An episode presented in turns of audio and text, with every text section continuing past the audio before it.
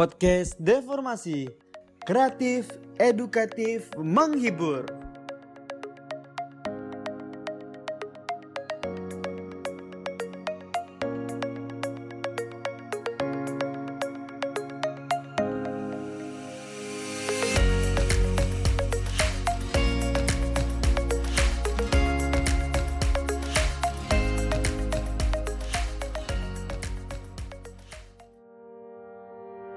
Sobat Solid, kembali lagi di podcast Deformasi MTM ITB.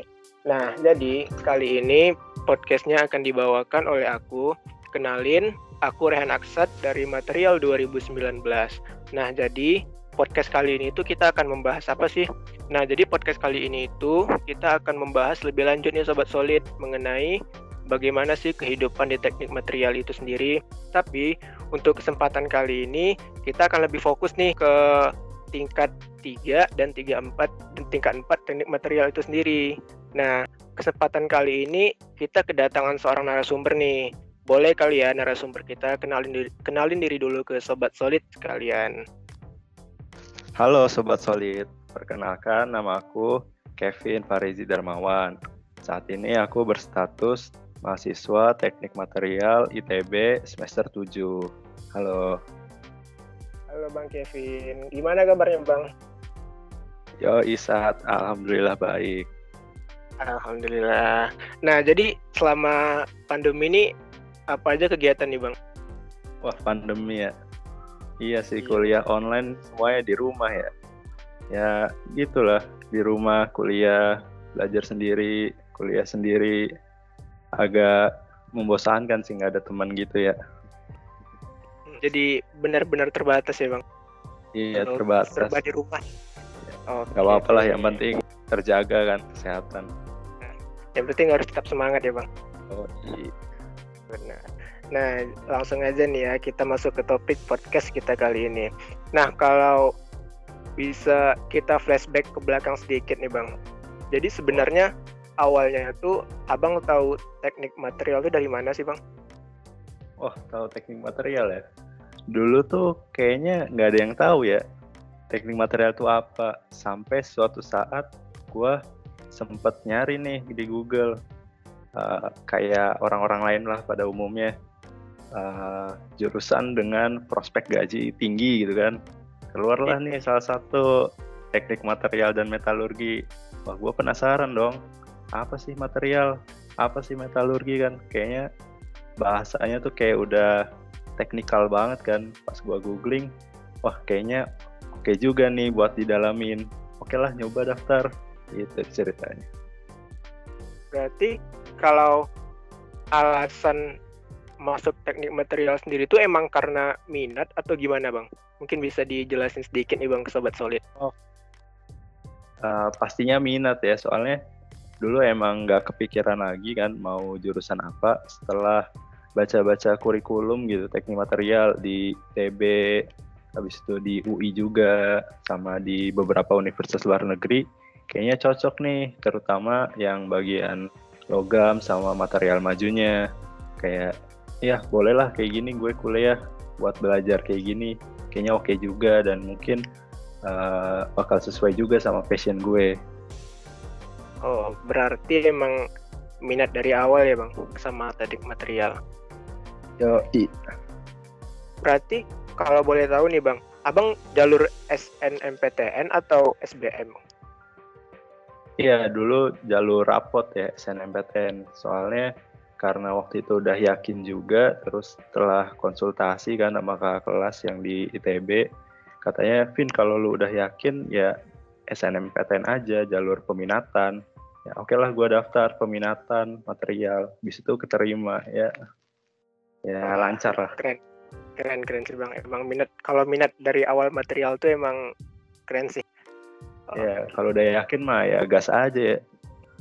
Ya iya bener lah berarti uh, gimana nih bang? Awalnya ekspektasi abang tentang teknik material ITB itu sendiri? Kayaknya ekspektasi gue nih sama kayak orang lain ya. Masuk ITB isinya orang-orang kepinteran semua gitu kan orang-orangnya news kelewat batas gitu kan. Pas masuk wah iya bener. Banyak yang kayak gitu. Tapi ya nggak sedikit juga yang sama-sama menderita gitu. Jadi yang sama-sama menderita ini ya ngumpul lah kerjasama supaya bisa uh, beradaptasi kan sama orang-orang lain yang lebih pintar gitu. Iya benar benar bang berarti kalau kita lihat dari ekspektasi tadi realita. Akhirnya pas abang udah keterima di teknik material itu emang sekumpulan orang-orang pintar gitu ya bang. Orang-orang hebat semua gitu. Oh iya nggak semua sih tapi banyaknya iya. Kebanyakan ya bang. Iya. Oke nah gini nih bang. Jadi kan uh, pas awal udah keterima teknik material nih bang. Sebenarnya apa sih bang perbedaan uh, di tingkat dua, tingkat tiga dan tingkat empat teknik material itu sendiri? Mungkin sobat solid ini pada penasaran nih bang, apa sih perbedaan dari tiap tingkatnya gitu bang?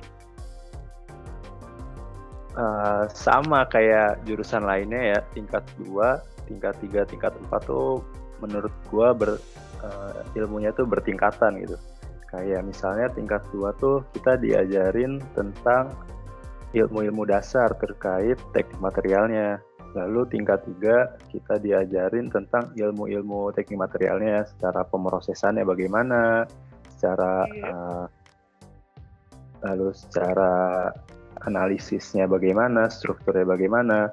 Lalu pas tingkat empat kita baru ini penerapan ilmu teknik materialnya bagaimana. Hmm. Berarti kalau boleh aku simpulin, makin tingkat tiga atau tingkat empat tuh berarti lebih kayak lebih mendalam gitu ya bang? Iya lebih mendalam. Misal tingkat dua istilahnya kita masih kayak diperkenalkan gitu sama teknik material, terus di tingkat 3 dan 4 baru lebih dalam mengenai apa sih teknik material itu sendiri dan apa yang dipelajari gitu ya bang? Iya betul kayak gitu. Oke, hmm. jadi nih uh, kita penasaran lagi nih bang, kan di podcast sebelumnya itu uh, kita udah wawancara Jessica material 2018. Jadi uh, di sana kita udah tahu nih gimana kehidupan atau material apa itu mata kuliah di teknik material tapi yang dari semester 3 sampai semester 5 nih Bang. Nah, sekarang kita pengen tahu nih yang dari ya Bang gimana sih mata kuliah di teknik material itu sendiri dari semester 5 sampai semester 7 Bang. Mungkin bisa kita mulai dari semester 5 dulu aja kali ya Bang. Wah, ini menarik ya, berarti dari tingkat tiga. Jadi tingkat tiga tuh banyak ya. banget nih belajar apa yang dipelajari di teknik materialnya. Di antaranya kayak ada mata kuliah fenomena transport, lalu ada mata kuliah material polimer, praktikum pemrosesan material, elektrokimia dan korosi, transformasi fasa, bahan baku keramik, dan proses pengerjaan material logam. Ini tuh baru di semester 5 gitu. Tapi udah uh, beragam ilmu yang dipelajari di materialnya ada dari material keramik, ada material logam, ada material polimer. Cuma belum ada komposit di sini nanti semester 6. Nah, di semester 6 ya baru nih pemrosesan lebih lanjut. Kayak ada pemrosesan keramik, terus uh, material komposit, lalu juga ada pemrosesan polimer. Terus juga ada tambahan nih kayak metode komputasi dalam teknik material. Kalau di semester 5 itu ada mata kuliah yang unik nih kayak bahan baku keramik. Jadi bahan baku hmm. keramik itu meskipun namanya keramik, tapi bahan baku yang dipelajari bukan cuma keramik, tapi logam juga karena emang luas banget kan bebatuan itu sama mineral. Terus juga di sini ada fenomena transport. Ini mirip kayak termodinamikanya teknik mesin gitu kita mempelajari hmm. perpindahan panas, perpindahan massa, seperti itulah. Itu untuk semester 5. Berarti kalau di semester 5 nih baru uh, mengenai logam, polimer sama keramik berarti ya, Bang? Iya, betul. Nah, terus kalau boleh tahu nih, Bang, uh, aplikasinya untuk ke depannya apa nih, Bang? Contoh aplikasi. Aplikasinya wah dari nama mata kuliahnya itu sendiri udah menggambarkan sih menurut gua kayak fenomena transport berarti kita uh, diaplikasikan untuk menganalisis suatu industri pemrosesan gitu katakanlah sebuah fluida lagi diantarkan dari satu wadah ke wadah lain menggunakan pipa. Nah, kita pengen tahu nih supaya pipanya itu nggak rusak, bagaimana supaya uh, perpindahan panasnya itu sesuai dengan spesifikasi si pipa itu sendiri. Maka itu adalah adanya mata kuliah ini gitu. Supaya kita bisa ngitung kan. Supaya materialnya nggak rusak. Terus juga ada elektrokimia dan korosi. Udah kelihatan lah ya namanya korosi. Kita belajar korosi berarti. Terus ada pengerjaan material logam. Kita di sini uh, melakukan pemrosesan logam. Bagaimana sih suatu logam itu? Kenapa ada banyak bentuknya? Kayak logam yang bentuk sheet ada bentuk rod, ada wire, itu bagaimana sih pemrosesannya. Terus juga ada bahan baku keramik, ini nih yang salah satu yang unik. Karena bahan baku keramik kita belajar dari material mentahnya, kayak bebatuan, terus kita lakukan pemrosesannya kayak dihancurin jadi pasir-pasir halus. Itu salah satu mata kuliah yang membahas material mentah dari awal tuh bahan baku keramik. Wah, berarti kalau kita lihat dari semester 5 udah mulai spesifik gitu ya bang? Menarik nih mata kuliahnya. Iya udah beragam gitu kan. Beragam iya, iya. Nah gimana kalau yang di semester 6 bang? Kayaknya lebih spesifik lagi nih bang. Wah di semester 6 lebih spesifik lagi lebih dalam lagi nih. Soalnya di sini udah mulai pemrosesan semua kayak ada pemrosesan keramik pemrosesan polimer juga ada material komposit juga ada di dalamnya juga belajar dikit-dikit lah tentang pemrosesan kompositnya. Terus juga ini nih yang yang unik dan agak susah ya metode komputasi. Jadi di metode komputasi ini kita belajar simulasi belajar simulasi tentang apa bagaimana sih suatu fase dalam material tuh bisa dibentuk sesuai yang kita inginkan gitu nah kalau misalnya zaman dulu itu dilakukan metode namanya trial and error gitu. Jadi kita buat terus dikarakterisasi kalau hasilnya nggak sesuai ya berarti di reject. Kan kalau metode trial and error berarti butuh waktu sama uang yang banyak ya. Jadi nggak efisien. Iya, Bang. Ya adalah simulasi ini supaya lebih efisien. Nah, kalau misal kita lihat dari kesibukan apa sih uh, beda kesibukan di semester 5 sama semester 6 gitu bang? Lebih sibuk mana gitu bang? kalau sibuk ya sibuk ya relatif sama orangnya. Tapi kalau dilihat dari jumlah mata kuliah wajibnya harusnya sih semester 5 yang lebih sibuk ya. Soalnya semester 5 itu mata kuliah wajibnya ada 19 gitu SKS-nya. Kalau semester oh, 6 tuh lebih dikit, relatif lebih dikit gitu. Ada 15 mata kuliah wajib SKS-nya. Dari sini kan berarti tinggal pilihan kita untuk mengambil mata kuliah pilihan yang sesuai dengan minat kita kan. Buat di semester 6 nih dibanyak-banyakin bisa banget. Oh iya bang, aku keinget sesuatu nih. Uh, aku pernah dengar apa tuh, apa? Kayak istilah yang namanya KP gitu bang. Kalau boleh tahu KP itu di Aduh, semester berapa ya bang? Kerja praktek tuh tahun akhir di tingkat 4. Di kalau di teknik material itu kerja praktek secara kurikulum ada di semester 8. Cuma buat angkatan gua tahun ini tuh dibuka di semester 7. Karena emang uh, kerja praktek di FTMD itu dianjurkan di pertengahan tahun di bulan uh, bulan Juni, Juli, Agustus, eh sorry Juni Juli aja. Jadi Desember, Januari itu nggak boleh KP karena waktunya terbatas.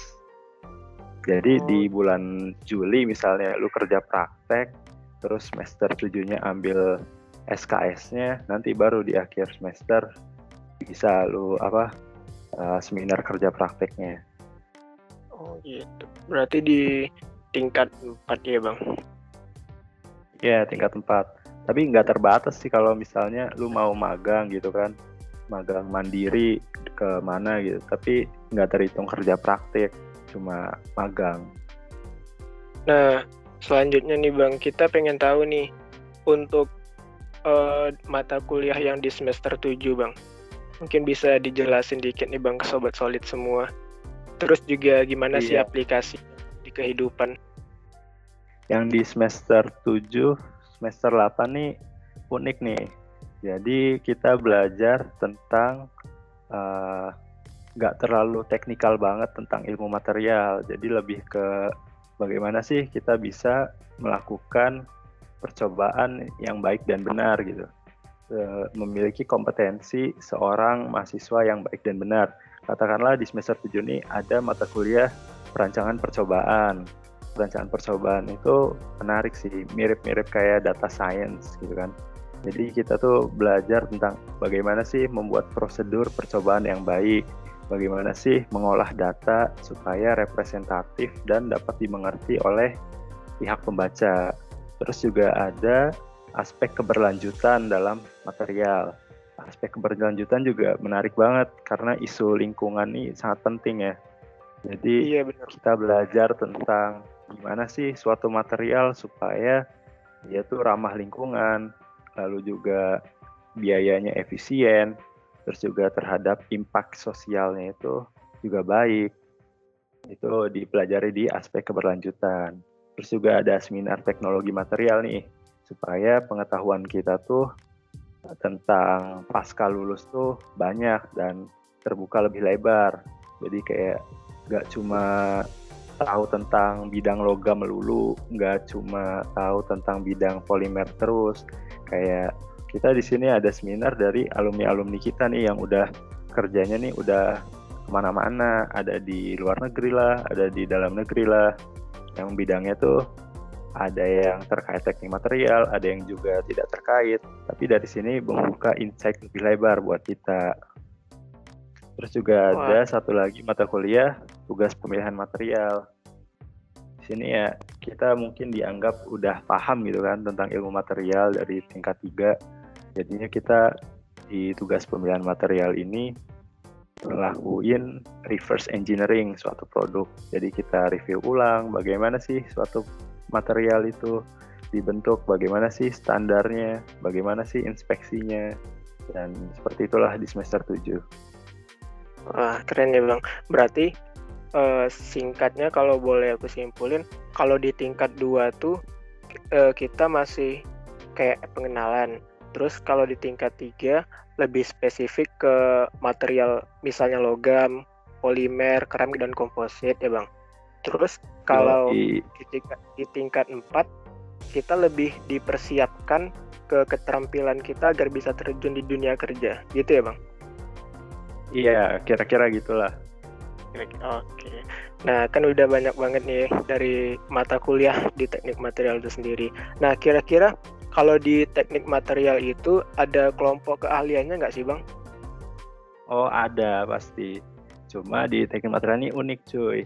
Jadi material ini cuma satu kelompok keahliannya di ITB, yaitu namanya kelompok keahlian ilmu dan teknik material. Kalau menurut opini gue sih, kenapa cuma satu? Karena uh, kita tuh diharapkan sebagai mahasiswa teknik material ya. Jadi nggak cuma paham satu material doang, nggak cuma logam, nggak cuma keramik. Jadi kita tuh paham polimer juga, paham komposit juga. Jadi ya pas udah lulus nanti itu tuh jadi uh, insan yang kompeten gitu, yang berkompetensi tinggi. Ya keren juga. Kalau Bang Kevin sendiri nih, minatnya lebih ke material apa nih, Bang? Ke logam, polimer, komposit atau keramik mungkin, Bang? Bingung juga nih. Kalau gua sih dari tingkat tiga tuh udah lebih condong ke logam sih sama keramik. Wah, Cuma di tingkat tempat apa ini tuh? gua ngambil fokusnya lebih ke logam. Kenapa milih logam tuh, Bang? Menarik nih kayaknya. Kenapa ya? Karena mungkin ini sih lebih mudah dipahami ya bagi gua kalau logam ketimbang material lain. Terus juga karena gua uh, punya rencana studi lebih lanjut gitu pasca S1 tentang logam juga. Jadi oke lah logam aja deh fokusnya di sarjana nih. Wah, berarti pengen lanjut studi S2 logam juga nih, Bang? Iya rencananya. Waduh, keren. Mantap sih, Bang. Nah, kalau di Indonesia sendiri nih, Bang, kalau industri logam tuh udah banyak atau gimana bang?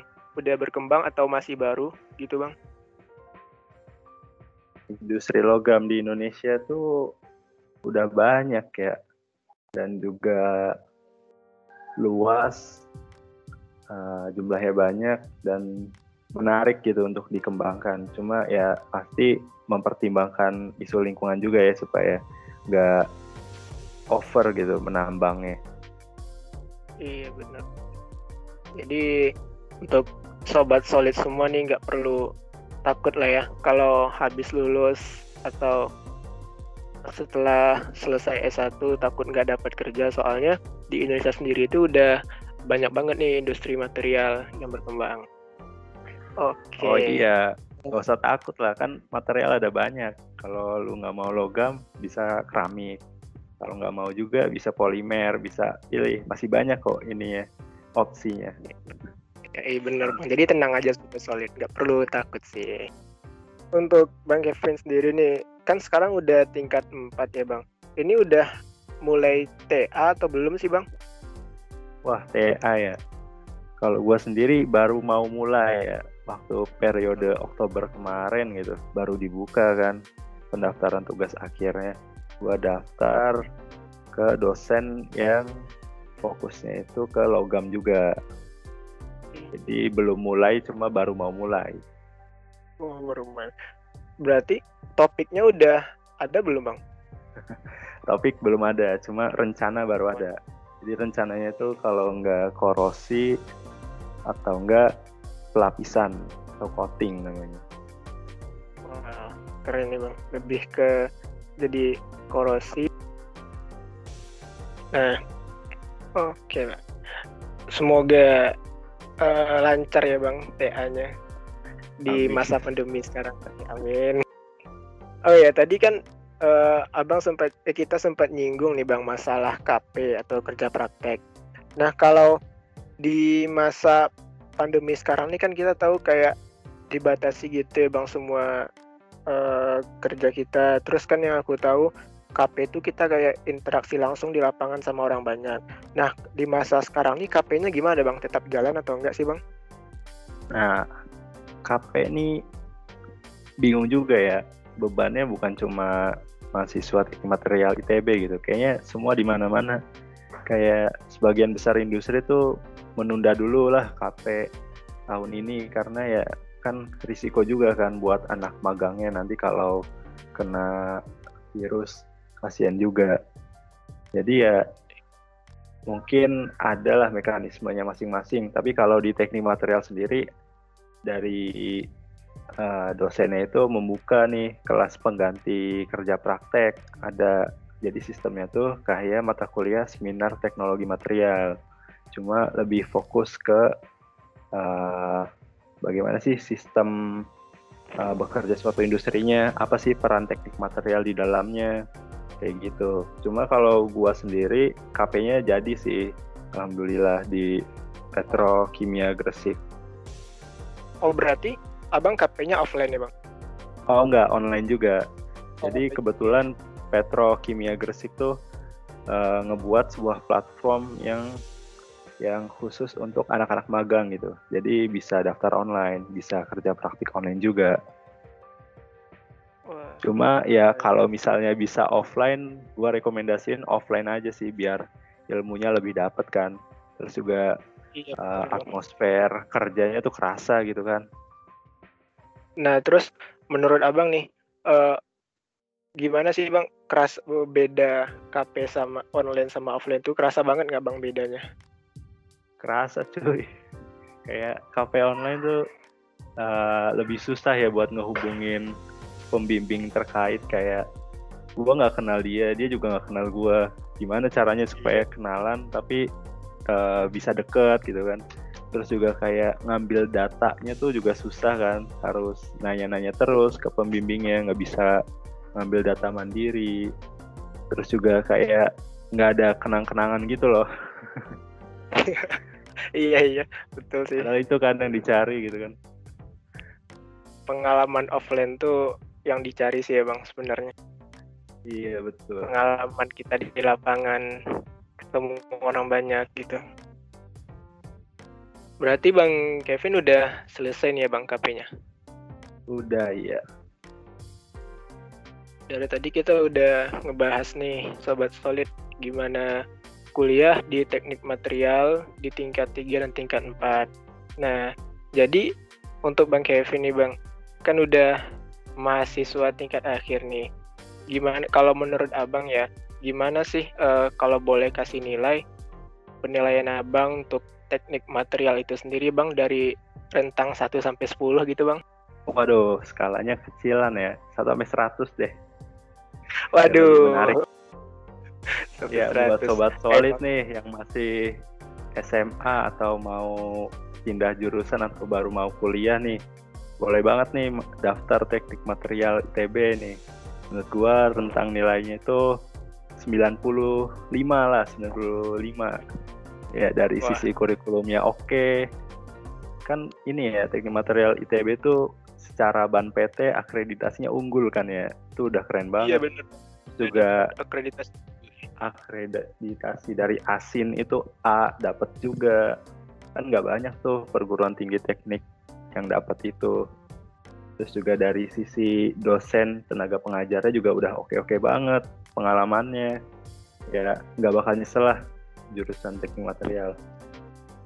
Iya, soalnya kalau dan teknik material itu juga, uh, sendiri juga udah dapat akreditasi internasional ya, Bang. Yo, Jadi nggak ya. perlu diraguin lagi nih. Iya, kualitasnya udah oke okay lah, nggak perlu diraguin lagi. Nah, jadi sobat solid gitu, sobat solid. Bagi sobat solid yang masih penasaran dengan teknik material atau masih yang mas pengen masuk teknik material nih nggak usah ragu lagi deh soal kualitas teknik material di ITB itu sendiri nah ke, jadi apa yang udah disampaikan sama Bang Kevin ini udah sangat jelas banget ya teman-teman menarik juga nih kita udah tahu gimana perkuliahan di teknik material terus uh, aplikasi dari pembelajarannya juga terus gimana KP di teknik material juga dan udah jelas sih semua informasinya. Nah mungkin nih bang uh, bisa dong ngasih sedikit closing statement atau motivasi untuk teman-teman SMA kita. Kalau misalnya sobat solid nih mau nyari jurusan, carilah yang sesuai minatnya ya.